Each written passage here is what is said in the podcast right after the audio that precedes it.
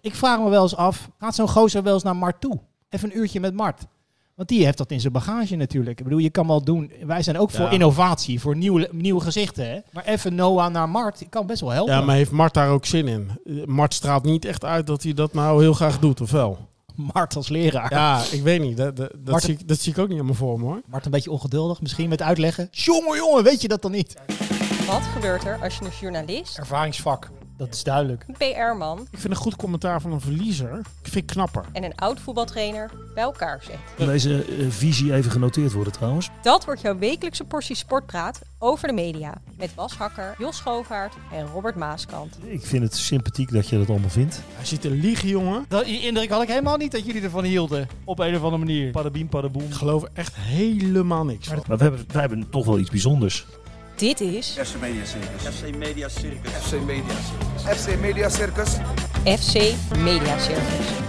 Ja, aflevering 103 alweer van de podcast met de man die eh, altijd luistert strandstoel hangt. Alsof hij in Spanje is.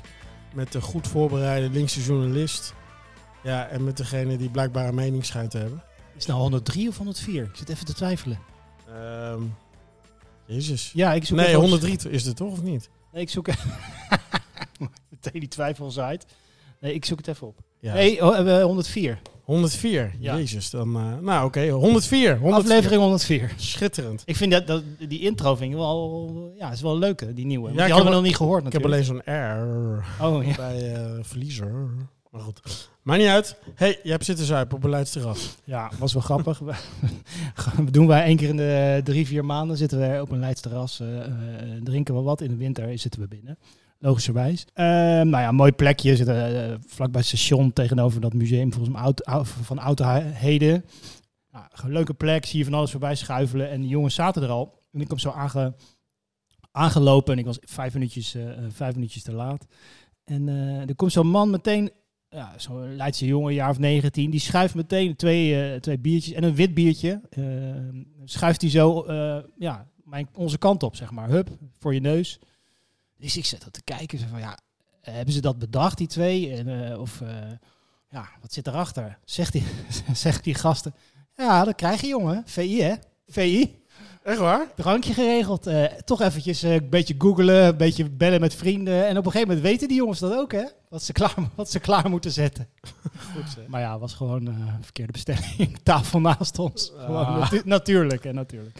Ha, je moet nooit het goed verhaal verpesten met de waarheid, Bas. ja, dat was Gewoon zo. net doen alsof je kei beroemd bent, herkend bent op straat vanwege dat interview. En, Ja, maar dan zou ik er nooit meer openen in ieder geval. Hè? Dat, dat Nee, ja. niet. dat, dat is ook weer zo. Dat Dat is ook weer zo. Dat is ook weer zo. En trouwens, ze zei, ook nog aardig wat ze zeiden, voordat we doorgaan hoor. Ehm, we hadden het natuurlijk vorige keer een beetje over Robert. Hadden we, ja, Robert en eh, mening dit, mening dat.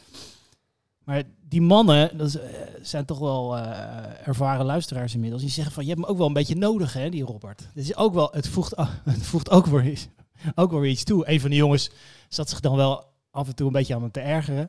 Maar die ander zei van, ja, het is wel, voor de dynamiek is dat wel grappig natuurlijk. Als je zo iemand, ja, als je, als je iemand als Robert erbij, hij, hij, hij zit er ook in de praktijk. Hij, hij heeft ook een mening en dan kunnen wij dat een soort checken. Zo, ik denk toch wel dat het, ja, dat het echt iets bijzonders is op die manier. Dat we hem toch na die winterstop eh, of na die zomerstop snel eh, moeten verleiden weer hierheen te komen. Ik denk het ook. Ik denk dat eh, iedereen eventjes gebaat is bij zo'n zomerstop. Dat daar niks mis mee is. Maar Nee. daarna dan, eh, is hij gewoon weer van harte welkom. Ja, ik denk dat we dat wel, eh, ja, dat we dat wel een beetje nodig hebben zo. Loopt nu met de hond natuurlijk naast, zit hij naar ons te luisteren, denkt hij van, eh, Ja, mis- ik mis toch die gasten, denk ik. of in Spanje, want hij is helemaal stil hè, op de app. Oh ja, het zou kunnen dat het Dus, wel eh, zit. Nou ja, goed bezig. Hoe was jouw, eh, wa- jouw week voordat we, voordat we beginnen? Ik heb geen idee meer, joh. Ehm, ja, dit Je weekend bent was... natuurlijk nog even voor de vakantie nog even aan het, eh, aan het bikkelen. Ja, het is nog wel druk. En dit, dit weekend was, ik, zou ik naar Breda live gaan, maar ik was een beetje ziek. Gisteren wel gegaan, maar ja, ehm, beetje last van astmatische klachten. Dus even Oh. naar huis en een puffetje erin. En toen ging het wel weer. Maar ja, dan is Is- de avond wel, eh, Is wel weg. Is, het wel klaar? is, is dat de topar, zijn dat topartiesten die er komen? Of, eh? Ja, het, dat festival slaat echt helemaal nergens op. Je hebt, je hebt, eh, je hebt eh, artiesten die niks met elkaar te maken hebben. Dus dan heb je eerst Maan. Dan heb je Clouseau, God betert. Dan heb je Leven die eh, nog? Hardwell eh, sluit af. Eh, tussendoor had je nog eh Donny. Oh ja. Ja, daar zou ik eigenlijk nog even mee... ik ken ik een klein beetje. Dus we zouden elkaar ontmoeten. Maar we zeggen elkaar... Ja, ik, ik, eh, het ging net even niet goed eh, vlak voordat zij opkwamen. Dus, Lijkt me een eh, leuke gozer, ja. Ja, ja, hele, hele vriendelijke jongen. Je, je moet alles ontcijferen wat hij zegt. Ja, je maar, verstaat er een hol van. Ik Nee, probeer ja, hem gisteren even na te doen, maar dat lukt me nog joh, niet. het Zat ik nog niet in de buurt. Compleet ander taaltje. Het is een soort Amsterdams, maar dan heel druk ook. Ja, druk, eh, druk, druk kan je wel Heel zeggen. kort die woorden achter elkaar en dan Ja. Amsterdams. Ja. Maar goed, hey, eh, Robert is er dus niet. Eh, Ja. Wij gaan in dit soort weken even voorproduceren om eh, toch Ja. ervoor te zorgen dat we elke week leveren. Nou, dat is gelukt. We hebben, eh, deze week hebben we, eh, zo meteen bellen we met eh, Maarten Ducro. Ja. Nou, het is natuurlijk nog steeds tour. Verhalenverteller. En eh, volgende de week daarna, dus eh, ehm, zullen we de, waarschijnlijk de podcast eh, met Dik van elkaar releasen. De compilatie. En die week daarna, daarna oh nee, de compilatie. Nee, onze, ons commentaar op die uh, ja, dik van elkaar. En, en, en die week daarna hebben we Jan-Joos Vergangelen. Ja. En dat is wat er nu even in de pijplijn zit. En waarschijnlijk ergens begin augustus. Dan gaan we naar A toe, hè? Ja, 7 plus 4. Dus Ja. 11. Ja. Ja, ik, eh, ik had het net met iemand over. Dat wordt waarschijnlijk een aflevering waarvan eh, wij ons na afloop afvragen... wat voor gesprek hebben we in hemelsnaam gevoerd. Een paar vragen eh, gaan we dan natuurlijk voorbereiden. Zo van, nou ja, je zat daar en daar, hoe was dat? Nou ja, dan krijgen we waarschijnlijk een, een soort verhaal van drie kwartier. Ja, dan krijg je waarschijnlijk een antwoord op een vraag die je niet gesteld hebt. Maar dat geeft niks. Nee, nee. Dat, eh, dat koesteren wij allemaal. hey, jij hebt, laten we overgaan naar de stellingen. En we Ja. beginnen met Good Old Mart. Ja, nou ja, Mart, Mart Smeets eh, is misschien wel de beste sportpresentator die we hebben, is eh, de stelling. Nog steeds, eh, volgens mij nadert hij redelijk stevig de 80. Ik dacht 79 of zo, maar moet ik even goed opzoeken. En nou, ik zat, ik zat te luisteren naar, die, naar de podcast die hij maakte met, bij de NOS. De podcast heet De Kopgroep. En ze maken hem al een paar jaar. En ehm, ze hebben dit jaar doen ze iets anders. Eerst de Joost Vullings deed altijd eh, presenteren. En dan die stelde dan de vragen. En Mart was dan een van de mensen die meededen. Dus die vertelde een oud verhaal. En eh, eh, s- verder schoof nog Martijn Hendricks aan van de avondetappe. En nog wat mensen. Roxane zit er tegenwoordig. Roxane Kneteman. Dus het is een soort NOS-crew-achtige podcast. En ehm, het, is het is best wel een beetje oudbollig, eerlijk gezegd. Als je eh, in het wiel luistert en eh, eh, Rode Lantaarn, Live Slow Ride Fast. Dat is echt wel veel beter. Maar ehm, ze hebben bijvoorbeeld zo'n rubriekje dat heet ehm eh, Soissant Neuf. En dan pakken ze de nummer 69 van de etappe eruit. En die gaan ze dan allemaal googlen. En dan vertellen ze daar ja, best wel een ja, niet super verhaal over, zeg maar. best wel Nee, nee, nou komt het. nou ja, het is echt een beetje Wikipedia-achtig. En dan, ja, Mart vindt het eigenlijk die rubriek dan ook niks. En ik vind een mopperige Mart is een goede Mart, zeg ik al. Ja. En dan zegt hij zo van, eh, komt er nog wat over zijn hond? Want ze hebben altijd iets van Instagram en dan gaat altijd de hond staat er dan op. Nou ja, leuk. Maar in ieder geval, hij, is dat, hij presenteert dat sinds kort, dat programma. Eh, sinds dit seizoen presenteert hij het zelf. En dan zie je wel de koning, hoor. Jij hebt, eh, nee, jij hebt een fragmentje uitgekozen. Je noemt de naam Kelderman. Eh, Het is mij opgevallen dat hij in de laatste twee dagen, als hij voor een microfoon werd gevraagd, met zoveel meel in zijn mond moet praten dat het bijna stofwolken oplevert. hij, hij, hij durft niet, niet te zeggen wat hij denkt. Nee, En gisteren zei, vind- die, gisteren zei hij tegen Han, geloof ik. eh, ja, ja, wat moet ik zeggen? Eh, Ja. Ja, wat hoe je je voelt. zeggen? Ja. Dat, ik vind dat, ik vind dat eh, vind ik, aan de ene kant vind ik dat heel mooi, want het betekent dus dat er in die ploeg is een afspraak gemaakt van Nou ja, enzovoort zou ik willen zeggen. Ja, maar het is wel. Nou, in dit fragment zit het wel een beetje. Kijk, een, een goede presentator in een, in, een, in een podcast, dat is gewoon een, een vak natuurlijk, hè, presentator. En wat je bijvoorbeeld moet kunnen, is een beetje vraagjes stellen. Maar Daarom doen wij het zonder presentator, toch? ja, precies. ja, ik heb het ooit geprobeerd, weet je nog? Dat aan het begin, dat was heel slecht. Nee, maar eh, je moet een beetje flair hebben en je moet bijvoorbeeld vraagjes kunnen stellen. Maar niet van hoe is het met Van de Aard? Eh, Of met Van Aert of met Van der Poel. Het moet een beetje, je moet het een beetje inkleden en er moet een beetje een mening al in zitten. Beetje stellingje erin gooien. beetje stelling al erin, dat er al een beetje kleur in zit. Je moet, een be- eh, je moet degene aan wie je de vraag stelt een beetje op zijn gemak stellen. Van, van ja, je bent iemand die nadenkt over dingen. Hè? Zo ben jij een beetje. Ja. Kan je me dan even helpen? En dan komt er iets heel erg relevants. Dus het is gewoon. En sinds als hij dat. eh, Het is, ja, het is gewoon heel goed hoe hij dat presenteert. Het is gewoon een, vak. En eh, op een gegeven moment zat eh, Michael Bogert een beetje te klooien met zijn wifi. Zat hij te rommelen met die computer en zo. Ja, dat lost hij dan perfect op, weet je wel. Eh, eh, ja, er wordt nu met wat, eh, wat draadjes wordt er aan elkaar gepieten. Achter de schermen is druk bezig om aan elkaar- alles aan elkaar te draaien. Ja, raak niet in de war als even iets misgaat. Heel rustig blijft Ja. hij dan. Heel rustig. En, eh, ja, Maar dat is ook karakter, hè? Want eh, wij hebben ook eh, gehoord over Kees Jansma, dat hij, eh, hoe oud hij ook is, die blijft zich gewoon, eh, gewoon druk maken. Gewoon woede eh, aanvalletjes. Ja, het blijkt vooral dat het echt een, eh, eh, ja, dat het gewoon een vak is om dat, om dat goed, eh, eh, goed te doen op die manier. En dat, ja, dat vind ik wel het mooie aan, eh, aan Mart, dat je dat terugziet. En dat je dat ook blijkbaar niet, niet verleert. En dat er gewoon ook mensen, jonge mensen zijn. Ik zat te denken aan die jongen van, weet je niet, Bouwman, eh, die bij de ESPN zit, eh, die die vakjes wel eens doet, weet je wel? Die, dat jonge Martijn. Martijn heet hij? Nee, hij had, Nee. nee, hij had anders. Nou ja, in ieder Nou geval. goed, zoek het op. Wouter Bouwman heet hij volgens mij. Wouter. Nou ja, Oh ja. maakt niet uit. Wouter. We noemen hem Wouter. Wouter. Ja, die is samen met, eh met eh dinges de tv-kantine. de- De Ja, tv-kantine. Jordi, Jezus. Jordi Eh, Amali. Sorry luisteraars, het is warm. Ja, met Jordi Amali, Ja. die dat doet. eh, met- nou ja. Nou Voetbalkantine. ja, die jongen.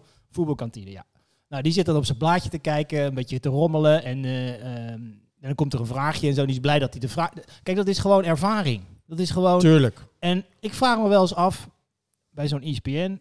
Maar misschien dat iemand een keer die luistert daar een keer een antwoord op gegeven. Gaat zo'n gozer wel eens naar Mart toe? Even een uurtje met Mart.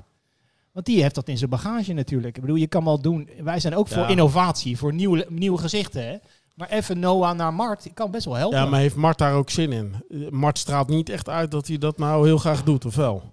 Mart als leraar. Ja, ik weet niet. Dat, dat, dat, Mart- zie, ik, dat zie ik ook niet aan me voor me, hoor. Mart een beetje ongeduldig, misschien Nou, met je hebt toch- uitleggen. nou, jongen, jongen, weet je dat dan niet? Kijk, als Mart, eh, Mart is nu natuurlijk in zijn beste rol, want dan heeft hij de regie. Ja. Maar over het algemeen, als hem iets gevraagd wordt, ja, daar reageert hij niet heel enthousiast op, toch? Nee, en dat precies als toen bij die podcast. Dat is wel grappig. Toen het andersom was, inderdaad, zat hij een beetje te murmelen. En van, nou ja, eh, hij zat zich ook zich een beetje duidelijk te ergeren aan de presentator, zeg maar. Die Ja. werd niet goed genoeg. Ja, je hebt het, het is een beetje net als met Van Gaal. Van als er een vraag gesteld wordt door een journalist, dan wordt die, dan wordt die vraag al meteen beoordeeld op kwaliteit. En, Ja. en, en dat niveau ligt natuurlijk altijd te laag. Ja, die kan, ja, je kan nooit mee eh, in, eh, in, in, het- hoe Van Gaal denkt natuurlijk. Nee, maar ik vond het, ja, ik vond het wel, ehm, wel mooi. Volg jij nog een beetje het, het wielrennen? Want ik luister al die podcastjes wel. Nou ja, eh, kijk, ik zit in een Scorito-toestand met, eh, met een stuk of eh, tien vrienden in totaal. Of Oh ja. negen in totaal. En ik sta zevende van de negen, dus ik, ik ben niet echt een koploper. Oh, dat gaat niet echt... door, het vervelende is, ehm, ik heb gewoon precies verkeerd gekozen. Want al die gasten die het goed doen in die pools van anderen, die heb ik overwogen en niet genomen. Een beetje eigenwijs, maar... eh, Nou ja, ik, ik, ik, ik heb allerlei jonge talenten genomen die zouden gaan verrassen volgens allerlei websites. Dus ik heb van alles eh, uitgespit, maar daar iets te veel in gaan geloven. En, maar, je, eh, maar je kijkt niet eventjes om half vier of zo. ja, zit je op werk ook natuurlijk. Ja, ik heb wel een paar keer de finale gezien. Maar voor de rest, ik, ik- ja, ik heb het zo druk gehad dat ik daar nog niet, niet veel tijd aan besteed heb. Maar ik denk na, pak een beetje woensdag, dan wordt het wat rustiger. En dan, wie weet. Toch even kijken, ja. Nou, ik moet... Ik, ik luister al die podcastjes natuurlijk met, met alle plezier. Ik vind die... ehm, eh, een, paar, een paar dingen wel leuk. Die Rode Lantaarn is, is leuk, die jongens. Dat zijn echt, echte liefhebbers, hè. Tim de Gier is dat, met, eh, Ja. eh, met nog een paar. We hebben het wel eens over gehad. En... ehm, ze, ze, ze hebben altijd van die leuke vergelijkingen. Ze, ze vergelijken eigenlijk ehm, het dagelijks leven met dat wielrennen. En kunnen er wel eens een theorietje aan koppelen. En dat, vind- dat vind ik wel... vind, vind ik wel dat, ja, dat ze dat wel grappig doen. Ze hadden iets. Ze hadden die. ehm die, eh, eh, Vingegaard, Vingegaard, die eh, hadden- staat dus een beetje te analyseren hoe die reed en dat hij een beetje duf op zijn fiets zat en dat hij als een soort dode op die fiets zat. en dan op een gegeven moment zei hij, ja, een beetje zo'n, eh, ja, een beetje een boze witte man. Dus- en toen zei die ander, ja, een beetje de Martin Sommer van het wielrennen, weet je wel, die hier Ja, van de. Volkskrant. Die Ja, dit is met zijn laatste column. ja, een beetje de rechter, eh, rechterkant bij de Volkskrant dekt, zeg maar. En, eh, en dat vind ik wel leuk, want dan heb je het echte leven, pak je dan en dat vermeng je dan met dat, eh, eh, met dat wielrennen. Dat vind ik wel, eh, ja, dat is wel hoe zij zijn ook. En dat vind ik, eh, doen, ze, doen, ze wel, eh, doen ze wel leuk. En ja, je hebt dat Live Slow, Ride Fast van eh eh Laurens Sendam. En Thomas Dekker zit daar ook in. Die zitten Ja. dan een soort villaatje, zitten ze eh, eh, daar in Frankrijk. Zitten ze vier, drie weken eh, hebben ze daar iets afgehuurd en dan volgens mij een paar plekken. En dan maken ze van alles. Ze hebben wat sponsors ook. ze zijn trouwens met een soort, soort sponsorsysteem zijn ze bezig. Dat je lid kan worden en wat kan betalen. Het is wel leuk om eens een keer, een keer over te hebben met die gasten. ja, wat ze, ze hadden laatst iets leuks, wil ik toch eventjes meegeven. Ja, ik weet niet of ik het helemaal, helemaal goed kan vertellen, maar je hebt natuurlijk rond de Tour, heb je altijd ehm, eh, van die Wikipedia-achtige feitjes, weet je wel. Je, je, is een verslag en dan komt er iets over een kasteel uit 1912. En eh, ja, er wordt er echt zo eh, tien regels besteed aan, aan, zo'n Wikipedia-feitje. zij hadden op een gegeven moment hadden zij een, een stagiair gevonden. Die, Victor heet die. En die, die gast die had ook dat soort... Die hadden ze gevraagd, ja, doe maar eventjes wat van die feitjes over zo'n zo'n dorp, weet je wel. Leuk, zoek dat even bij elkaar. Maar mag wel een beetje op, jou, op jouw manier. En, en, die gast, die had... eh, eh, ja, die had dat zeg maar zo'n soort touch aange- aangegeven. Wat had hij? Oh ja, ik heb het even opgeschreven hier. De lokale specialiteit van dit dorp, een of ander dorp, finish, eh, startplaats, is foie gras. Dus is foie gras. Dus boycotten dat kutdorp. Hoe durven die Fransen eh, die, die ganzen do- dood te maken? Eh, voor straf eten we gewoon plofklip uit Brabant. Dat zal ze leren, die gasten. Nou ja, dus had ik even te denken. eh, als je dat soort... ehm, Zo'n manier van verslaggeven. vind ik wel leuk, weet je wel. Dan gooi je er een beetje humor in en een beetje grappig. En, is wel goed, maar als je in, in bepaalde streken in Frankrijk komt, dan zie je om de, om de 300 meter zie je zo'n boerderij. Joh. Dat, is, dat, dat is niet normaal. Goed, Nou, vond ik wel lachen. over ganzen gesproken. Nee, is heel slecht. Waar ga je kan, heen? die kan niet, hè? Nee, die kan niet. Nee, die kan niet. Nee, Nee, die goed. knip Hey, eruit. de, de, de tweede stelling die zouden Ja. bij Robert denk ik niet doorheen komen, denk je wel? Ik denk dat hij daar wel moeite mee zou hebben. Ja, Denk goed. ik. Eh, werp hem dan toch maar even op. Ja, gooi hem erin. Ehm Helene Hendricks is belangrijk voor het feminisme in Nederland. Want er zitten heel veel vrouwen bij het VI eh, Sportzomer. Dat is eigenlijk de onderbouwing van de, van de stelling. Ik vond het wel grappig hoe je dat dan aanpakt. Want zij is natuurlijk niet zo'n type die, eh, eh, ja, laten, we- laten we zeggen, gaat protesteren of eh, in de media daar heel veel over praat of zo. Maar ze zet wel op die tafel, aan die tafel allemaal vrouwen, vrouwelijke specialismen. Leontien van Morsel was er. ehm, Ja, maar is het niet gewoon een goed voorbeeld van normaal doen? ja, Ik bedoel, er, er zit nu gewoon een mix aan tafel. Ja, Ja, dat is heel normaal. toch? Maar het is wel, ik weet wel uit ervaring dat het, dat het om vrouwen daar neer te zetten, dat je wel even wat harder moet werken dan, eh, ehm, dan mannen, zeg maar. Ja, het is wat minder. Eh, het, zou- het zou natuurlijk wel kunnen dat, dat er vrouwen zijn die zich nu net even een tikje veiliger voelen in de sfeer die Helene, eh, Helene, eh, Ja, Helene. schept ten opzichte van wat Wilfred, Johan en René doen. Ja, Het, is, het is toch net even wat, wat anders. ja En, je merkt toch dat als het hard wordt, dat Helene een grapje maakt en weggaat. Weggaat van die hardheid. Dat, heb Ja. ik op, eh, dat is me een paar keer opgevallen. Zou ze dat bewust doen? ja. ja, dat denk ik wel. Dat denk ik wel. Ik had laatst inderdaad wat jij zegt, eh, eh, vind ik wel mooi. Eh, zat ik te kijken en toen was er een specialist. Volgens mij was het een nieuwe specialist, een vrouwelijke ehm, eh, soort Leontien van Morsel, maar dan eh, ehm, eh, ook die deed ook een analyse. Ik weet even niet hoe ze heet, maar ze, was, ze kwam goed uit de woorden, was echt leuk, eh, leuk gedaan. En zij vertelde een verhaal en zij noemde die, die wielrenner, ze noemde eh, Pedersen en dan noemde ze een verkeerde naam. Dat ging net eventjes mis. En toen zat ik, zat ik zo naar die Helene te kijken. Ik denk van, dat is toch het verschil, weet je wel. Want Gené zou er keihard op ingaan. En het zou tien minuten gaan over... Oh, je zit bij niet scherp. En eh, weet je wel, Ja, maar dat- moeten we je wel weer uitnodigen. Dat, en dat, zij liet hem lopen. Dat vind dat, ik doet, wel Ge- goed. dat doet Gené natuurlijk ook altijd bij Boskamp, hè, die ook geen, geen naam normaal kan uitspreken. Maar dat is meer eh, vanwege zijn spraakgebrek, ja, ja, ja. die je altijd aanpakt. Dus ja, ik weet niet of daar dan per se het verschil in zit. maar alleen, ja, Gené is wel gewoon harder.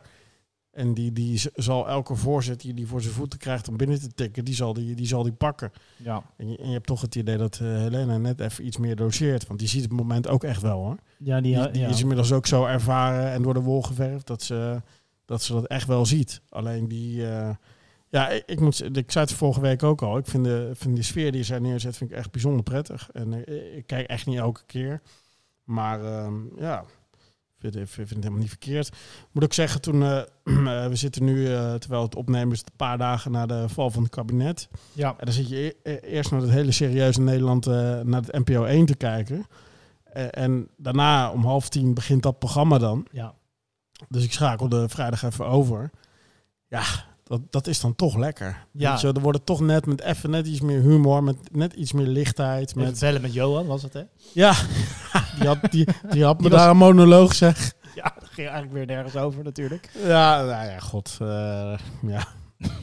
De, de mening die je 133 keer gehoord hebt. Die je eigenlijk al weet, ja. Ja, Maar goed, eh, ja, ik, vo- ik vond het toch wel lekker eerlijk gezegd. ja, ja en eh Eus die zit daar de boel een beetje te stoken. Dat is eigenlijk de, ehm, de gené, maar dan in een soort rol van Derks of zo. Ja, die- dat is wel heel goed dat hij aan tafel zit, want dat heb je wel nodig. ja die, gaat, die gaat eventjes, die maakt het even wat pittiger. Nou, wat, wat ik aan hem wel leuk vind, is dat hij niet per se de voorspelbare mening heeft. Kijk, hij is, zijn mening valt niet in een, in een hokje van links of rechts te stoppen. Dat, Nee. dat is eh, eh, afhankelijk van het onderwerp is het steeds weer anders. Nee, dat is fijn, hè? En eh, zijn, ja, zijn ironie en zijn, zijn ja, hij maakte die Rutte wel helemaal af. Ja. Maar hij deed het wel op een, eh, ja, wel op een, op een vindingrijke manier, vond ik. Maar goed. Hoorde je nog wat hij over Noah Lang eh, zei? Ja, een TBS erin. eh Hij milde TBS-patiënt. Oh, milde TBS. ja, we, wensen, we wensen Peter Bos veel succes. Ja, dat wordt wel een goeie. Ja, ik vind hoe die jongen zich uitlaat. Het is, het is zo narcistisch. Dat is, eh, och.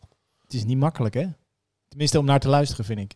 Ja, het is zo, ehm, het is zo vijandig. Het is zo, eh, het is zo dommig, is het. Ja. Zou niet wel... ehm, ik weet niet, Peter Bos, eh, je hebt hem natuurlijk nog wel eens misschien wat intensiever gevolgd. Ook toen hij bij Feyenoord speelde en zo. En eh, later technisch directeur was. Ja. Is, kan je, zou hij dat kunnen? Of is hij, hij is wel re- redelijk rustig, hè? Nou ja, wat, kijk, toen als speler, daar weet ik niet zoveel van. Behalve dat hij overhoop lag met Willem van Hanegem. Eh, wat, ja, wat ik me van zijn Ajax-coachtijd nog herinner, is dat hij ja, lastige ventjes, daar maakte hij die korte metten mee. Daar had hij snel ruzie mee en die, die, die werkte hij ook snel buiten. Ja. Dus eh, ja, als je niet meegaat, ben je de lul bij hem. Dat lijkt me niet echt een... eh, Ja, of juist wel. Kijk, ja, zolang meneertje lang gewoon opgesteld wordt en presteert, wat natuurlijk zomaar zou kunnen, dat, dan valt het misschien allemaal wel mee. Alleen ja, hij kwam daar, eh, daar binnen bij PSV en hij wilde gelijk nummer 10 hebben. Ja, dat ging dan even niet. Maar Nee, eh, Nee, ja. er was iemand die daar iets meer aanspraak op Ja. maken. Maar ik vind het wel... ehm, ja, ik vind het is wel leuk dat die jongen in de competitie speelt. Dus dat geeft er wel eh, jeu aan het geheel. En ehm, ja, het is ook wel iemand... Jonge generatie natuurlijk, die misschien bij sommige mensen, zeg maar, iets, iets jonger, iets rebelser, zo, die, dat hij wel eh, wat meer uh, ansloes heeft. Kan Nou, ze hebben- bij voorstellen. Ze hebben natuurlijk nu voor de camera twee kleurrijke types met Noah Lang en Joey Veerman. Er gebeurt wel wat als je die voor de camera trekt. En, Ja. ja. ja, Ja. dan moet je bij de meeste clubs nog maar omkomen. Inderdaad, daar hebben ze spelers die ook een beetje een verhaal kunnen vertellen. Dat is Ja. wel zo. Die heeft, Feyenoord had dat, heeft dat wat minder, hè? Nee, ik denk dat Slot daar niet aan begint, eerlijk gezegd. Daar, die- komen we straks nog wel op. Oh, ja, dat is interessant, ja. Dat hij dat niet prettig misschien eh, vindt. Nee, denk het niet. Dessers had dat ook een beetje, hè? Ja, maar die was gezellig. Gewoon gezellig is niet Die erg. was gewoon vrolijk. Nee joh, Maar die Veerman is wel, eh, ja, dat is wel een figuur, hoor. Die Ja. moet je wel een beetje managen, denk ik. dat denk ik ook. Dat Lijkt denk mij. ik ook. Hé, we gaan bellen Ja, met eh, de grote... Ja, grote Maarten Ducro. hoe typeren we die nou, nou even vooraf? Ja, ik had de oud-wieler-commentator gezegd, maar misschien eh, doen we hem dan daar- daarmee geen recht. Wielervolger, oud-wielrenner ook. Ja. Gewoon Maarten is Maarten eigenlijk. Ja, dat is het. Letterlijk een jongen van de rood zou je bijna zeggen. Ja, echt. Maar goed, we gaan, we gaan hem bellen. Nee, niet bellen. Die mogen mij best, best wel bellen hoor. Nee, die mogen mij best bellen hoor. Na de wedstrijd even wat ik, even, wat ik ervan vond.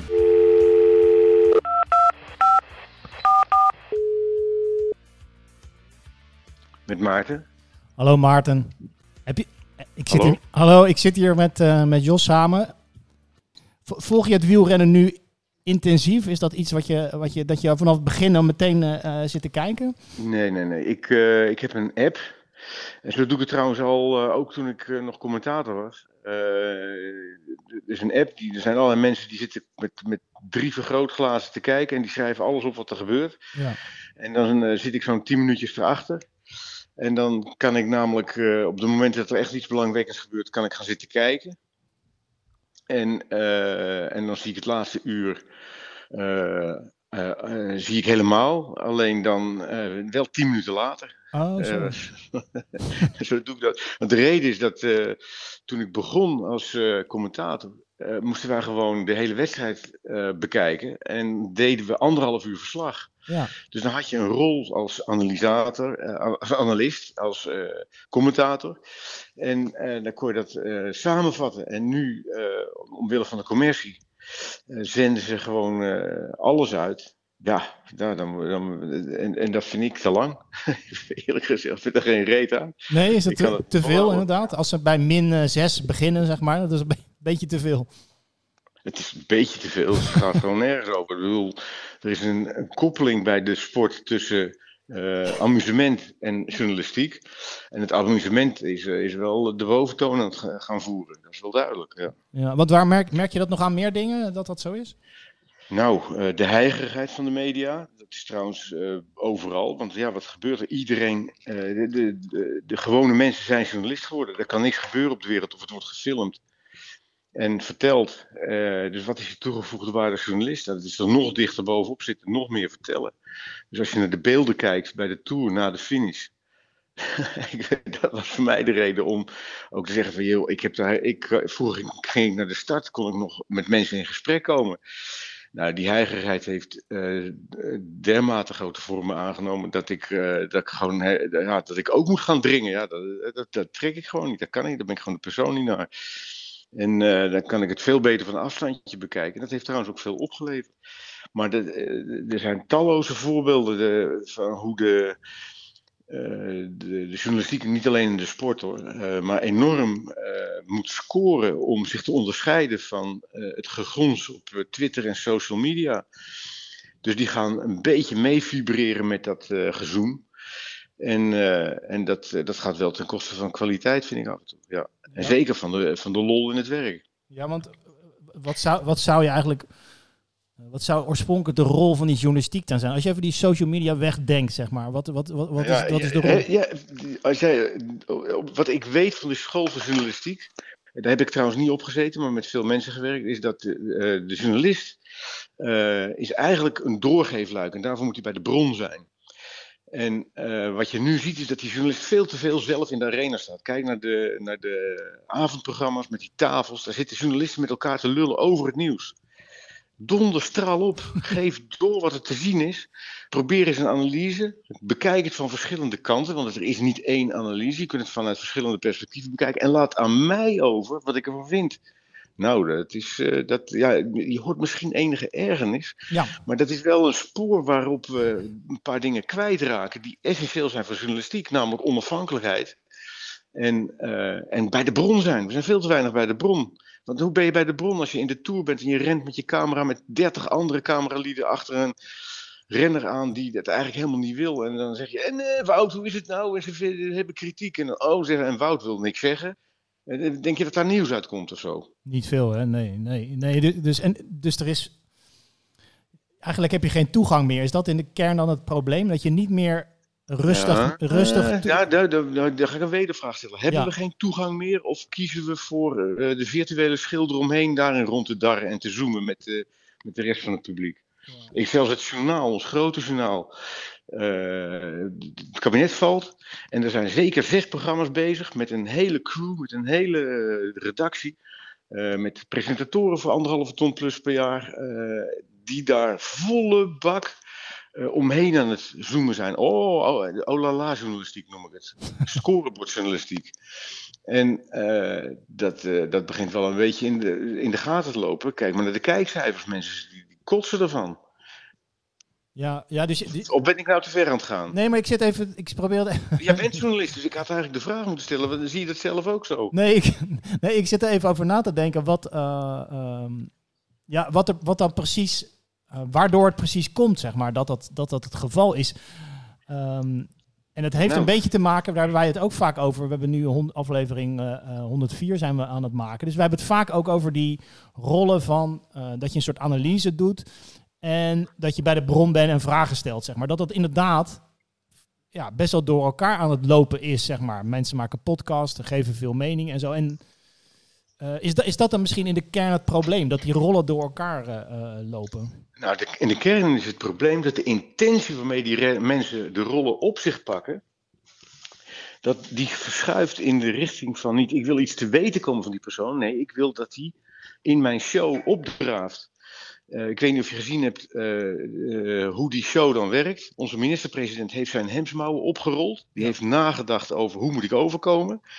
Die weet dat de asielcrisis ongeveer 40% van de mensen echt in zijn armen drijft. Dus die zegt, wij gaan het kabinet laten vallen over de asielcrisis. En ondertussen lopen er drie, vier journalisten, onze minister-president, dat is de hoogste ambt dat wij hebben, waar je eh, hoog, edel, achtbare, weet ik wat allemaal tegen moet zeggen. Eh, hoe noem je zo iemand? Excellentie. Ja. En dan, dan lopen ze, Rutte, Rutte, Rutte. En dan willen ze een quoteje van hem hebben. En dan staat er een een of andere toethola van, van 25, die staat daar rondheen te springen. Zo brutaal als de beul. En, en de- dat is een show. Zij wil zijn quote en hij weet wat hij moet doen om de goede quote in, het in het journaal te krijgen. Ja. D- dat is een spel. Nou, dat, dat is toch niet meer te doen? Of ben ik nou gek? Nee, En dat nee. betekent dat de intentie waarmee je die rollen op, dus de rollen zijn verschoven. Het publiek heeft heel veel andere bronnen waarmee ze ook op de hoogte raken. Er zit veel fake news tussen. Eh, maar de, de media zelf zitten zo opzichtig mee in het circus, in, de, in het spel, dat mensen het gaan wantrouwen. Want iedereen ziet het natuurlijk dat die intentie niet klopt van die mevrouw die daar roept: Rutte, Rutte, Rutte, eh, weet ik veel wat. Nou, dan gaan ze niet meer geloven wat daar gezegd wordt. En dan zegt het journaal van ja, maar wij zijn het echte journaal. Wij brengen als enige geen fake news. Ja, dat is echt even zonder gekheid. Dat, dat klopt wel een beetje. Maar jongens, jullie zitten volle bak mee in de show. En gewoon bij de bron zijn. Ertussenuit gaan, niet in beeld komen en vertellen wat er gebeurt. Vanuit de ogen van degene die daarin zit of van iemand die daar eh, toegang toe heeft. Nou, dat, dat zie ik steeds minder. En als ze dat zouden blijven doen, dan zijn ze, kijk naar bijvoorbeeld de bladen als Vrij Nederland, Elsevier, die zijn allemaal hun lezers kwijt. Want iedereen wordt al gevoed met feiten, denken ze. Nou, prima. Dus het, ja, dat, dat is even een, een, eh, een, een dingetje. Je moet echt je best doen om geïnformeerd te zijn.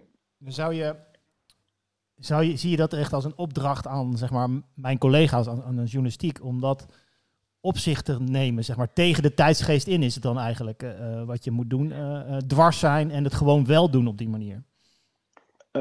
Dat, een gewetensvraag is dat. Ik heb het zelf altijd geprobeerd, maar ik moet onmiddellijk toegeven dat ik ook onderdeel van het circus ben geweest en ook gebruikt ben. Ik bedoel, ik heb Armstrong heb ik zien fietsen en ik heb live op tv gezegd, eh fantastisch atleet, ik buig voor hem, maar het is een grote klootzak. Ja. Zou mijn vriend niet zijn. Nou, daar kreeg ik daar gezeik over. Toen achteraf bleek dat hij ook echt klootzakkerige dingen had gedaan die ik niet wist, kreeg ik het verwijt dat ik het had moeten weten. Eh, en ik heb natuurlijk gewoon ook wel eh show zitten maken van de koers waar hij in zat. Ja, je bedoelt dat je meeging, zeg maar, ehm, in wat, Ja. hij, wat hij deed en Ja. zeg maar, terwijl je eigenlijk wist, ja, of, of- ja, je wist het niet, maar je wist Nee, iets je, of... je weet het niet, je, voelt dat het niet deugt. Nee, Eh, en dan? Maar ja, ik zit daar in mijn rol als commentator. En de tijd die je hebt om, nodig hebt om een reportage te maken zoals Bas Haan dat eh, zo fantastisch kan. Ja, dan ben je een half jaar van de wereld af en dan kan je 20 minuten uitzending maken. Of misschien wel helemaal niks als er niks blijkt te zijn. Nou, dan heb je een probleem. En eh, waardoor de teller heel erg doorslaat naar de korte termijn scorebordjournalistiek. Waarmee haal ik de clickbites? Nou, en dan eh, kan Marielle Tweebeke weer scoren met eh, het interview van het jaar door eh, tegen welke hoge pief dan ook de meest afschuwelijke kritische vragen te stellen. Die niet bedoeld zijn om iets te weten te komen, maar om te laten zien dat ze echte kritische vragen hebben gesteld. Zoals Mart Smeets moest vragen. En eh, Michael Bogert, heb jij doping gebruikt? Ja, wat denk je dat hij dan gaat zeggen? Nee, natuurlijk. Ja, ja, maar ik heb het wel gevraagd. Nou, dat spel. Net als een trainer waar altijd aan wordt gevraagd van, eh, je gaat toch, ga, je, ga je nou weg en eh, heb je al besloten en zo, om een soort controlevraag. Ja, maar eh, het is als journalist op dit moment moet je ook scoren. Je moet iets doen. En, dat, en, dan, ja, waar, en dan kom je met een mening of een, invalshoek, zo zit dat. En je hoort het aan mij, ik heb een stevige mening, maar Maar je bent ook wel kritisch over, je, over jezelf wat dat betreft. Maar is het, is het ook een soort, eh, eh, als je dan naar het Amst- Armstrong, hoe jij commentaar gaf, laten we zeggen, enthousiast over hoe hij reed, de tijdrit en hij pakte de tijd en hij won, won vaak.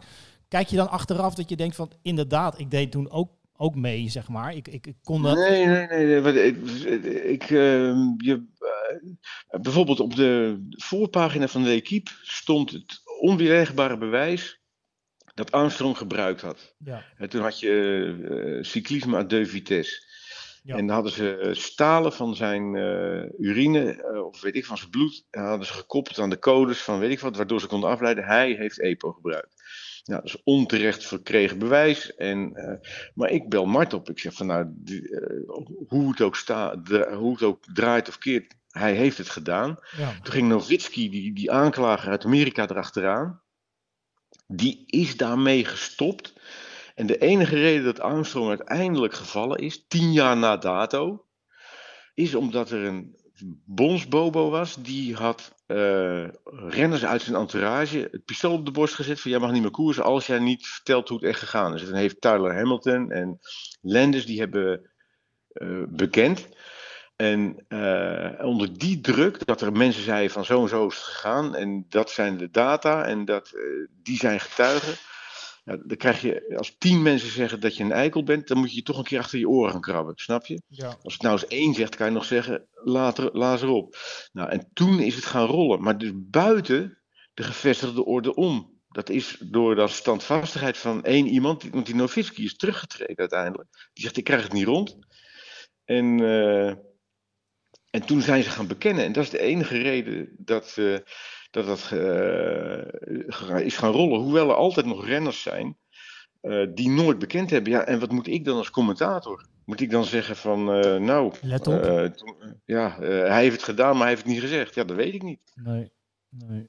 nee Dus ja. de- maar wat je als journalist wel kan doen, is gewoon, en dat gebeurt nooit, en ik heb dat geprobeerd, dat heb ik mezelf ook weer als voorbeeld gebruikt, eh, iets vertellen over de dynamiek waarin dat gebeurt. Ja, ja, ja, over het spel, zeg maar. En, over en hoe de rare dilemma's die er komen. En ik zeg van, ik heb toen dingen gedaan die toen toegestaan waren, maar nu verboden.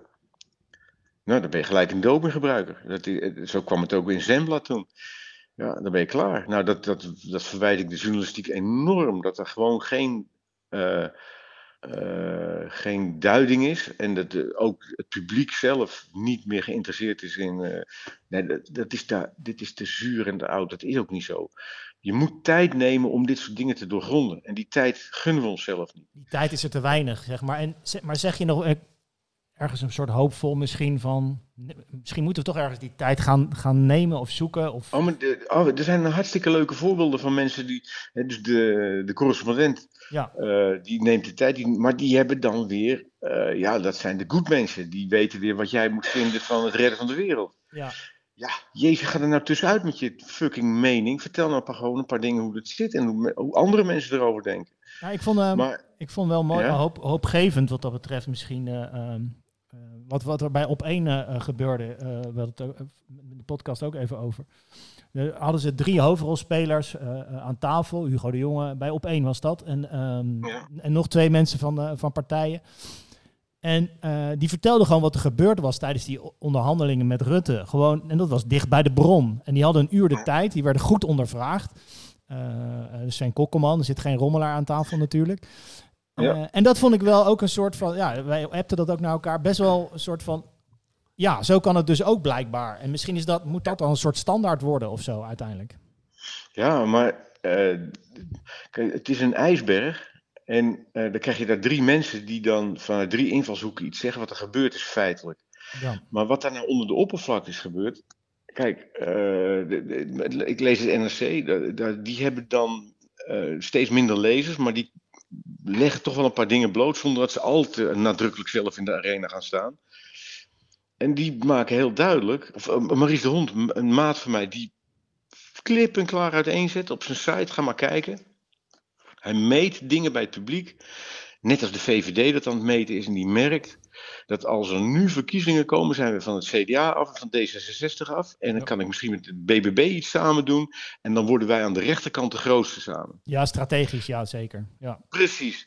Waarom gaat Rutte nu in één keer dat kabinet laten vallen? Omdat hij zo puur, zo, zo ongelooflijk rein van geest is. En is dat hij zegt, ja maar dit kan ik niet over mijn hart verkrijgen. We zitten weer in een show. En dan kan Sven Kokkelman wel ontzettend doorzagen. Maar hij moet door doorzagen. Nog door, Niet nog alleen verder. het uurtje aan tafel, waarin die show gemaakt moet worden. Nee, daarvoor en daarna en doorgaan. Nou, ik vond toch wel dat de kijker daar wijzer van werd, hè? Omdat, omdat je... Oké, nou, maar ik- omdat je- dat geef ik hem. Nou, ik- Sven is een kei daarin. Nou, omdat, Ja. je, om- omdat, je, omdat je wel doorhad van die mensen die daar aan tafel zaten, die waren, die waren wel de, onafhankelijk van wat je ervan vindt inhoudelijk, maar die waren wel met elkaar bezig om richting een oplossing te manoeuvreren. En wat je daarbij wel zag, is dat iedereen, eigenlijk inclusief zijn eigen partijgenoten, gewoon hoogst verbaasd was dat, hij er tussendoor kwam fietsen met zijn gedrag. Eh. Dus het leek echt wel op een eenmansactie. Eh, en dat, dat is toch wel aardig blootgelegd. Dat het geen eh, voor opgezet plan eh, kermis van die hele partij leek, maar echt eh, gewoon van één man. Ja, dat. Ja. Oké. Ja, nou ja, een soort van hoopgeving. Tenminste, zo heb ik ernaar gekeken als kijker. En, en Ja. toen was ik, eh, nou ja, ik was best pissig vrijdagavond en ik werd nu ietsje milder. Ja, ja iets, iets meer met de kop omhoog. ja. Hey, Maarten, waar ik nog even benieuwd naar was, heb, je, heb jij wat jij vindt van journalistiek en eh, ja, jouw mening daarover en hoe dat beter kan, heb je dat, in, heb je dat intern ook wel eens gezegd, zeg maar? Ja. Met Jan de Jong heb ik, eh, daar komt het woord scorebordjournalistiek vandaan. Eh, die heeft mijn oh la la journalistiek. Met, oh, wat gaan we nou met mij doen? Nou, nou, poe, poe, jee, oh, oh. En dan de journalist die zegt, nou, wat ik nou gezien heb, die, eh, nee, die stond met zijn broek op zijn enkel. En toen, dat is oh la la journalistiek, scorebord. En hij zegt, we moeten naar de verhalende journalistiek. En bij onze NOS zijn echt signalen dat dat gebeurt. Er zijn explainers, eh, daar steken we tijd in om meer om de context heen eh, te onderzoeken en dingen te vertellen op social media. Maar je moet niet uit de, uitvlakken dat, eh, dat er een hele strijd is, in de politiek ook, maar ook binnen de NOS. Wat doet social media bij ons? We zijn verdomme een omroeporganisatie. En nu komen we er langzamerhand achter, als je daar niet bent, dan heb je ook eh, in de gewone traditionele media niks te vertellen. Maar daar hebben we intern echt hele discussies over gehad. En, de, en daar zie je ook echt wel een verschuiving in komen. hoor. Maar ja, de, de tour komt eraan en dan moet gewoon de hele redactie moet naar de tour. En dan zijn er 30 mensen die om, om, als bijen om de honing heen zwermen. Die moeten een show maken.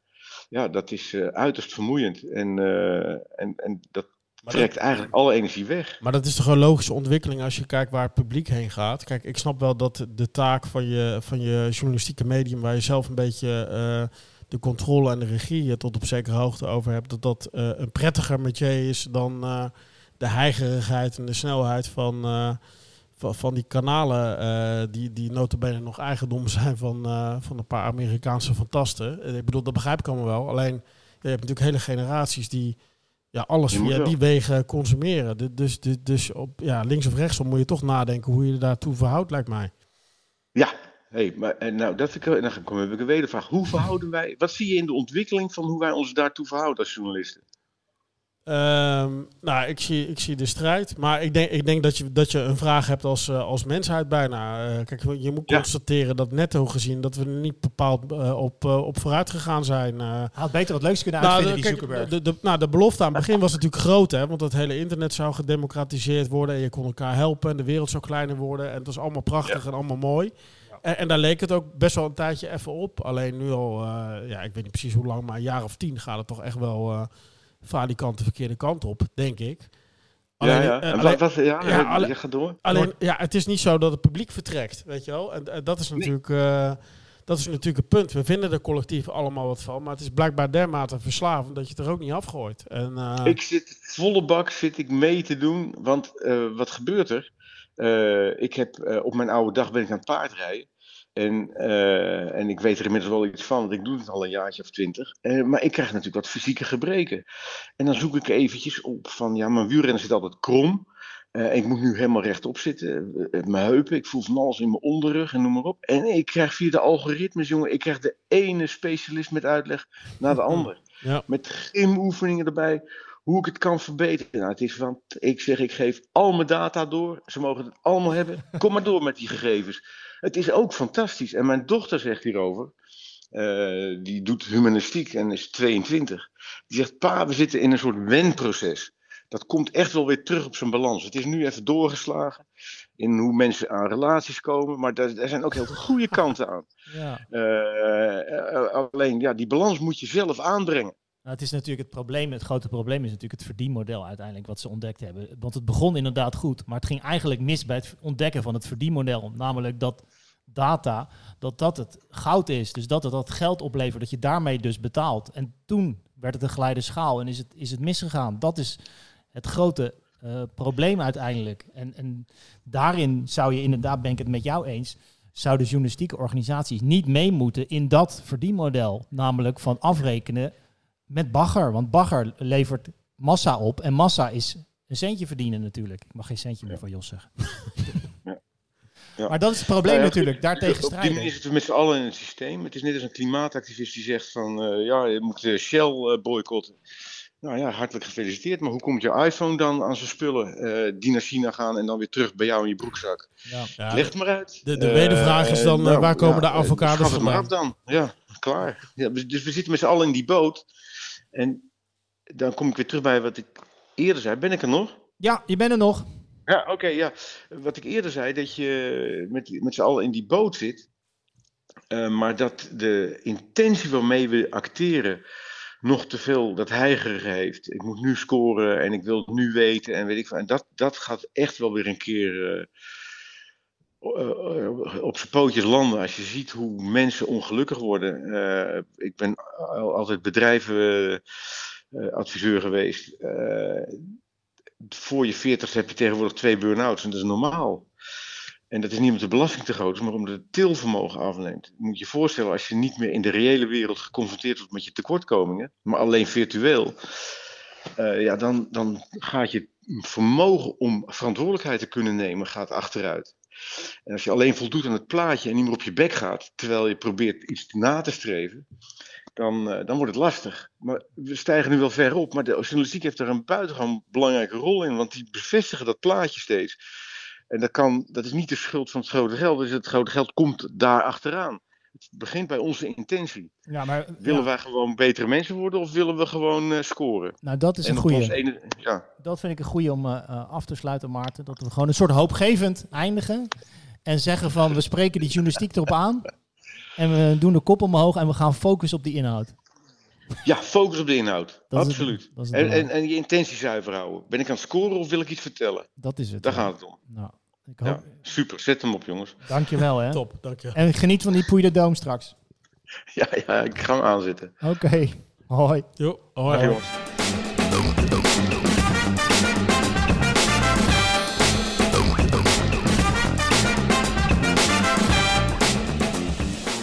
Nou, die man zat niet om eh, tekst te verlegen. hè? Terwijl we minder soepel begonnen. Ja, ja, ja. Hij dacht, wie- Bas Hakker, wie is dat? In de klas gezeten. Ja, ja. Maar hij had wel een mening inderdaad. Dat is wel prettig toch voor ons? Hey, we moeten even door. Want, Ja, eh, hij door. was eh, lang van stof, maar dermate interessant dat we lekker lieten, lieten lopen. Zo. Ja, dus de drie eh, moeten even een keuze maken, denk ik. hè? Nou, we, we jagen er even snel door. We hoeven Oh, niet- ja. niet zo lang over te hebben, joh. Nee, we zitten even met dat. Ik zat even als eerste met dat shirt. Hè. Fans zelf vinden het alleen maar leuk om elk jaar een nieuw voetbalshirt te kopen. Er was een aanleiding. Ik had het stukje gelezen van uh, Short Mossou. eh, Ja. eh, naar aanleiding van het Ajax, eh, Ja. Ajax shirt. Hè? Ja, ja, eigenlijk kan je daar een PSV-shirt eh, bijvoegen. Ehm, want het Ajax-shirt lijkt dit jaar gewoon wat meer op het Arsenal-shirt. Eh, een rode baan, eh, eh, onderbroken en een beetje breed. Ja. Eh, RKVV zei die thuis. Daar voetbalde ik vroeger tegen. Ja, en- RKVV. Ja, en, eh, en eh, PSV heeft een, eh, een eh, volledig rood shirt met wel een klein beetje kleurverschil in de, in de verticale baan. Eh, dat is bij PSV overigens vaker geweest. Je hebt eens in die tien jaar, eh, ik heb even de geschiedenis eh, teruggekeken, vallen ze terug op dat rode shirt wat Romario zo prachtig stond. ooit. Oh ja. Dus dat, dat is wel vaker. Ik vind zo'n streepje toch wel leuker op een of andere manier. Ja, ik niet. Ik, vind het Oh. hele, ja, ik vond het echte rode, wat Romario toen had, dat vond ik prachtig. Oh, helemaal rood. dat dat ja. vond ik onderscheidend. En ja, Sjoerd heeft gewoon gelijk. Kunnen heel simpel over zijn. dit, dit, dit, dit dient één Nee, maar je moet even uitleggen wat Short's hypothese was. Moet ja, je even uitleggen. Uiteindelijk, Wel leuk vond ik uiteindelijk eh, eh, de, de, het moraal van het verhaal is dat, dat eh, eens in zoveel tijd doen clubs iets geks. En dan, dan doen ze even een extreem shirt en dat verkoopt dan. Ja. En het jaar daarna gaan ze juist wel overdreven nostalgisch. Nee, maar dat vond ik leuk. Zeg maar, de stelling is dus niet zozeer elk jaar een nieuw shirt en dat is commercieel, maar iets subtieler. Namelijk van ze ge- doen iets heel geks en dat geeft een soort ophef. En daardoor kopen meer mensen dat shirt, bij wijze van Ja, ook dat is zo. Weet je nog, En, een paar, en heb je later weer dat ze denken van, oh ja, gelukkig, het oude shirt is weer terug. paar jaar geleden dat Feyenoord het uitshirt. Het hele, hele felle blauwe met, met, met oranje-rozige. Ja, oh ja. is best verkochte uitshirt ooit. ja. Ja, was ook heel veel gedoe over. Gedoe is, is eh, jongeren die het kopen uit een soort opstandigheid. Die Nou ja, blokjes ook- bij Ajax eh, waren ook volgens mij goed verkocht. Die blokjes, weet Ja. je wel, dat kunstzinnige blauwe. Ja, maar ook, dat- ook dat, eh, dat Daily Paper shirt. Daar, daar was Ja. ook niet iedereen even enthousiast over. Maar dat, dat verkocht ook goed. En Bob Marley. Wist je trouwens dat, eh, eh, heb ik nog even opgezocht, 2021, 2022, 36 miljoen euro Ajax aan merchandising. Hè? Dat is, dat Dus dat is niet alleen maar, dat zijn ook dekbedden en zo, maar dat is best wel een fors bedrag als je kijkt naar de totale eh, omzet. Ja, dat doen ze gewoon goed. En eh, ja, ze zijn natuurlijk een A-lijstclub ook hè, bij Adidas. Dus eh, ja, drie, die- die- drie keer zoveel eh, in vergelijking met, eh, met Feyenoord en zeven keer zoveel in vergelijking met PSV. Dat Ja. is toch wel. doen Ja, toch iets. Feyenoord had de internationale rem erop. Hè. Daarom hebben ze ook nu een nieuwe deal met Castor in dit geval. Ja. En dan kunnen ze gewoon, als uh, Jiménez het goed doet in Mexico, daar ook een shirtje verkopen. Oh ja, ja. En dat was voorheen wat lastiger. Eh, en ze hadden ook wat minder... Kijk, Feyenoord was voor Adidas gewoon een, eh, een, eh, ja, tweede, derde rangs eh, club. Dus je mocht kiezen uit de catalogus. En, de, en eh, het, het distributiekanaal was online vooral. Eh, ja, die deal zit gewoon anders in elkaar. En daar hebben ze nu weer een beetje meer zelfcontrole op. Eh, nou ja, ja. Dus eh, ja, ik denk dat Sjoerd eh, wel een punt heeft. Ja, wel mooi. Ja, Ja, Hij had wel gelijk. Het is ook maar net wat je smaak is. Hè. Je hebt altijd een nostalgische deel. Dat boor ik zelf wat meer toe. Vind ik zelf wat mooi. Ouderwetse. nou, voetbalshirts. dat, ik zag gisteren het shirt van Pax Volle. Dat helemaal groen. Oh ja, ja. Schitterend. Heel Ja. mooi. Far, die sponsor. Maar ja, dat vinden echte voetbaljongens mooi. Dus eh, ik heb er gisteren met Martijn Krabberdam, die bij de wedstrijd was. Vond het ook mooi. Dus ik appte hem, mooi shirt. Ja, prachtig. Ja, weet je, dat weet je van tevoren. Omdat het zo klassiek is. Ja, ja echt prachtig. Maar goed. Ehm, volgende stelling. Ja, nee, dat is wel interessant. Ik zat even, nou ja, eh, wij we hebben een soort fetish. Nee, we hebben een soort fetish hè, van die persconferenties van Slot. Hè. Hij was lang, hè? Hij was lang, maar ik heb hem toch eventjes ja, uitjes snijden en dat werk, weet je wel. Toch Ja. eventjes zitten luisteren. Ja, ik, ik zat in de auto, geloof ik. Ja, ik zat in de file, dus ik heb eh, geluisterd. En eh, het is toch wel weer, voor, je kan er gewoon weer naar luisteren, hebben we wel eens eerder gezegd. Ja, het is gewoon toch wel weer vermakelijk. Hij zit, ik had ook nog even, naar, wat is YouTube natuurlijk, eh, hij zit daar ook weer met een glimlach en Ja, eh, een grapje en een dingetje. En, eh, Ik heb een fragmentje klaarstaan. Wil je dat nog inleiden? ja, ja, nee, dat hoeft niet. Oké, dan eh, maar ik, ik zet het wel even aan. Ja. Dan, eh, We zeiden al, de selectie is nog niet compleet. Je begon al een beetje te lachen. Dan komen al die vragen over wat er misschien weggaat. Ehm, ja, hoeveel zorgen maak je je eigenlijk? Want er zijn wel weer heel veel geruchten. En buitenlandse, hele serieuze media die zeggen... er wordt gesproken en onderhandeld over Geertruiden. Er wordt gesproken en er wordt eh, onderhandeld over Bijlo. Dat is nogal wat. Maak je je zorgen? Ik vind het wel leuk dat jij buitenlands, dat dat hele serieuze media is. Nou, nee, er zijn ook binnenlandse serieuze Impliceer je media, daarmee dat... Oh, oké. oké.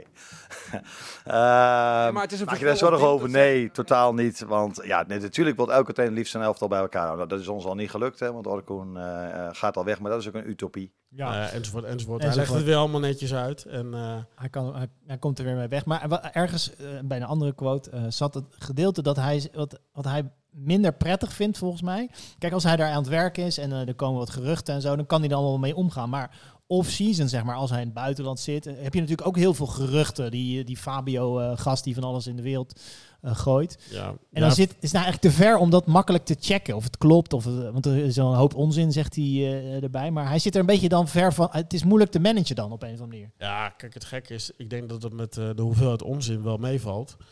Alleen, eh, ja, kijk, het is natuurlijk niet in zijn belang eh, dat de dingen al openbaar worden als er nog eh, geen don deal zijn. Nee. Net zoals dat Feyenoord ook in de race was voor Ricardo Peppi, die naar PSV gegaan is. Ja. Ja, daar zit hij natuurlijk niet op te wachten. Net als net Thomas Belen, die kiest dan toevallig wel voor Feyenoord. Maar dat had natuurlijk ook net zo goed de andere kant op kunnen gaan. Ja, je wilt dat natuurlijk liever niet in het nieuws hebben. En ja, vandaag zijn er weer twee, drie geruchten die... ja, dan komt eerst 1908.nl ermee. En dan, eh, ja, weet je, als VI en AD er daarna ook mee komen. Kijk, die, willen dan checken of het waar is. Die willen natuurlijk meer bronnen hebben. Eh, en die gaan er vervolgens achtergrond bij, eh, bij maken. Ik zie net al dat, dat Pieter Zwart alweer een hele analyse heeft gemaakt over een linksbuiten, zeker aanvallende middenvelder die al dan niet komt. Oh ja. Ja, eh, maar die speler is nog, is nog niet gecontracteerd. Dus daar zit hij natuurlijk niet op te wachten. Want dan krijg je continu krijg je daar vragen over. En dat doet natuurlijk. eh, Dat kan iets doen met zo'n transfer. Die Rutger zelf zegt dat het allemaal onzin is. En dat hij pas brengt op een bepaald moment. Ja, dat geloof ik niet helemaal. Maar oké. En, eh, maar wat hij vooral aangaf, ja, dat doet iets met de groepsdynamiek. Want eh, stel je voor, je bent rechtsback, Pedersen, en je leest wat over Brenet.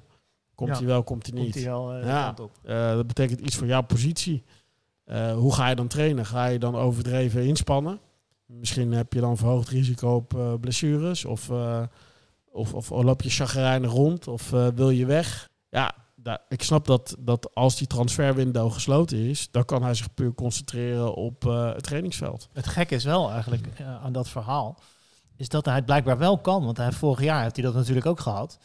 Eh, en Hij heeft dat wel eh, goed, goed gedaan. Maar Ja, aan het begin was het even zoeken natuurlijk. Kijk, waar hij nu op had gehoopt, en, en dat valt misschien een klein beetje tegen, is dat hij, dat hij van het begin af aan eh, de grote voorsprong zou pakken, omdat bij Ajax en PSV alles nieuw is.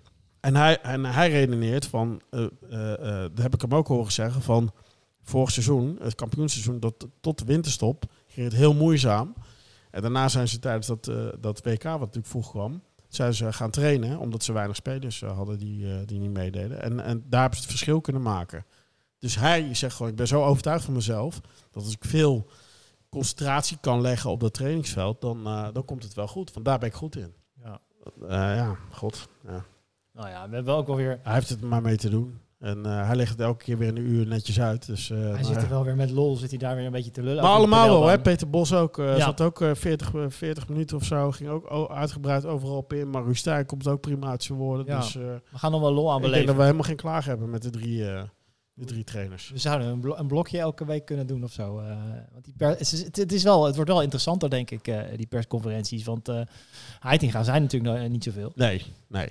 Van Nistelrooy, ja, wel- maar ook niet. Die, die zag, ja. Het probleem met, met topvoetballers is het wel ook een beetje vaak dat ze, dat ze die journalisten niet serieus nemen. Zo zijn ze getraind, hè? Ik vond Van Nistelrooy wel leuk hoor. Ja, maar ik, ik had soms wel... Maar een beetje chagrijnig. Ja, een beetje, ja, een beetje moody wel, inderdaad. Maar Nou goed. ja, we gaan het zien. We Hey, hebben nog één stelling. Maxi. Ja, Maxi, die, die begint een beetje moeite te krijgen met die Perez, met die teamgenoot. Want Ja. die wordt niet tweede of zo eh, op eh, twee seconden. Maar die wordt altijd tegenwoordig 27ste. eh, die Ja. die wordt op drie rondjes gereden. En, ja, ongeschikt vervangen. hè? ja, maar, dat, maar Max is wel volgens mij redelijk zo'n type van die ook van, ja, die, die kan het niet. Eh, die moeten we moeten nieuw hebben blijkbaar. Maar dat zegt hij nog niet. Maar zou die, daar zit ik even over te na te, zal ik over na denken. In een teamsport, als er dan een back niet presteert, zeg maar, dan zeg je in de media, weet ik veel, eh, nou ja, eh, had ze dag niet of je lult er een beetje omheen. We zijn als collectief, weet je wel, dat soort dingen. Maar Max is in principe wel hard voor zichzelf en voor anderen ook volgens mij. Iemand die ook dan, dan gewoon zegt van hij kan het eigenlijk niet zo goed. Ja, ik moet een beetje aan Berghuis denken. Bij Feyenoord toen. Ja. Die, die, die, die ergerde zich ook kapot aan de rest. Dat, Ja. dat, dat voelde hij aan alles. En dat heeft hij ook. Ja, ja, ja ik snap dat wel. Ja, het beste team van de wereld. Kijk, waar Max behoefte aan heeft, is iemand die niet eerste wil worden, maar wel kort erachter zit. Ja, en niet de grote Nou, waffel ook. Veel, veel plezier. Liever. Ja, Dus je hebt eigenlijk iemand nodig die rijdt voor plek 2 tot en met 5. Ja, en die altijd tweede Toch? wordt ook. Altijd tweede op, op, op twee seconden Ja. of zo. Die zeg maar de aanvallers van Max van andere teams het eh, leven zuur maakt, maar niet hem het leven zuur maakt. Ja, dat, Ja. Is, dat, dat is natuurlijk een rol die, waar niemand zin in heeft. In een individuele sport is dat ook wel lastig natuurlijk Ja. ook om Dus, zo te redeneren. Ja, zeg, eh, jouw stelling eh, moet Max niks meer zeggen over zijn teamgenoot Perez. Nee joh, wij zitten hier om de media een beetje te beschouwen. En, Ja. eh, het is in ons belang dat hij dat lekker wel doet. Ja, hij moet heel veel teksten hebben over hem. Vind ik wel. Ja, dat is een goede conclusie. Maar goed. Bas, wat heb je bij je? Hey, als laatste, wat heb je bij je? Ja. Even kort. Ja, even kort. eh, we hadden eh, bij ESPN hebben ze nu al die documentaires. Ze hebben natuurlijk wel wat oefenpotjes. En, eh, maar dan komen al die docu's voorbij. Oud, nieuw, maakt niet uit. En er kwam een documentaire voorbij dat heet Slaying the Badger. Eh, uit 2000 Goeie titel. Ja, goede titel. Ik heb geen idee wat het betekent. Moet jij, dat weet jij wel. Jij bent, eh, mijn, vrienden, mijn vrienden waren ook enthousiast over jouw eh, snelheid en eh, dat je even een beetje door kon redeneren. Dus ja, misschien heb je dat, heb je dat paraat. Ik, ik, ik voel nu echt enorm Nee, eh, maar- de druk. Ja, waar heb je die Jos eigenlijk? Hoe ken je die Jos eigenlijk? Zeiden ze. Nou ja, nee, maar leuke documentaire, want het sluit een beetje aan op waar we het net over, over hadden. Het is een soort reconstructie van 86. Toen reden eh, Le Mans en eh eh, Hino. Hino eh, had toen een beetje alles gewonnen wat er te winnen viel. En die was een beetje op zijn retour. En Le Mans was een beetje... ja, die eh, jongen die op de deur, eh, deur klopt. En die zat in één ploeg. En eigenlijk was Le Mans wat beter en Hino eh, nog minder. Maar hij wilde eigenlijk niet, niet loslaten. Hij wilde dat eigenlijk niet aan die volgende generatie geven. Dus dat werd een hele strijd binnen die ploeg. En wie was er beter en heel leuk. Maar had hij hier nou de, de, de bijnaam de Badger, de Das? ja, de, oh, dat de Badger is de das. dat Ja, het is gewoon het doden van de Das. Ja, de das, dat had ik nog wel geweten. Ja, de bijna. Dat is ook een triviant vraag trouwens. Ja, ik, ik, ik wist hier, kijk, eh, Le Mans die ken ik wel, maar Hino is denk ik een beetje van daarvoor. Ja. Eh, ja, Ik dacht vroeger dat Hino alleen maar mocht winnen, zeg maar, toen ik klein was en naar de Tour keek. Want die won echt alles. ik, ik ben meer van de strijd tussen Le Mans en eh, Fillon. Toen Ja. nog. Dat, dat- daar is het voor mij, eh, toen toen Breukink opkwam, dat is een beetje mijn wielerperspectief. Ja, er kwam Ik iets ben- daarna, ik ben zeg maar. jonger. Ja, kwam iets daarna. Ja. En, maar aansluitend wat we net zeiden, die, dit is wel echt een leuke docu, want het is echt een reconstructiedocu. Dus ze hebben de oude ploegleider, hebben ze. Ze hebben Le Mans. Ze hebben Hino. Ze hebben eh, nog wat, eh, nog Hamilton. Die zat in die ploeg volgens mij. Ehm, oftewel, ze hadden. Ze hebben eigenlijk iedereen die een beetje betrokken was, die hebben ze eh, gesproken en die zijn verhaal laten doen. En dat is ja, echt een hele leuke reconstructie, echt van binnenuit. Waarbij iedereen ook eerlijk vertelt Oh, hoe hij erin zat. En Hino, het, nog steeds, ja, dat, dat was echt iemand. Is met- qua beelden een beetje te doen? Want het is natuurlijk begin jaren 80 of zo dan, toch? ja, beelden zijn eh, goed. Die, hebben ze, die hadden ze er ook bij. En eh, eh, ze zijn ze op gaan zoeken, echt in een café. En nou ja, echt leuke, leuke, leuke documentaire. Echt, Maar is gewoon één film, maar geen serie, hoop ik? Nee, één film, Ah, old goed. school, 50 Ja, minuutjes. En het hele verhaal. En Le Mans won Oh ja. ESPN, dat. hè? Dus ESPN, ja. Check, oké. Ja. Hey, dan zeggen we voor nu eh Law of Control, want we hebben nog meer te doen. Ja, we moeten nog even aan het werk. Ja, het is warm. Lot of control. Lot of Control. Lot of control. Ben ik nou degene die zo slim is of ben jij zo dom? Kijken hoe die corner is. Die corner komt laag. Wordt doorgekomen. De kant en daar gaat hij. Hij zit erin. Het is Sneijder. Hij zit erin. Sneijder komt. Hij is 22 centimeter groot. Daar is hij erin. Dat is hem. Het is de licht. Het licht. De licht. De licht. De licht. We hebben een paar keer gespro- gesproken. Ja. Hij heeft wel goeie, hoofd. Kruijf een goede gozer?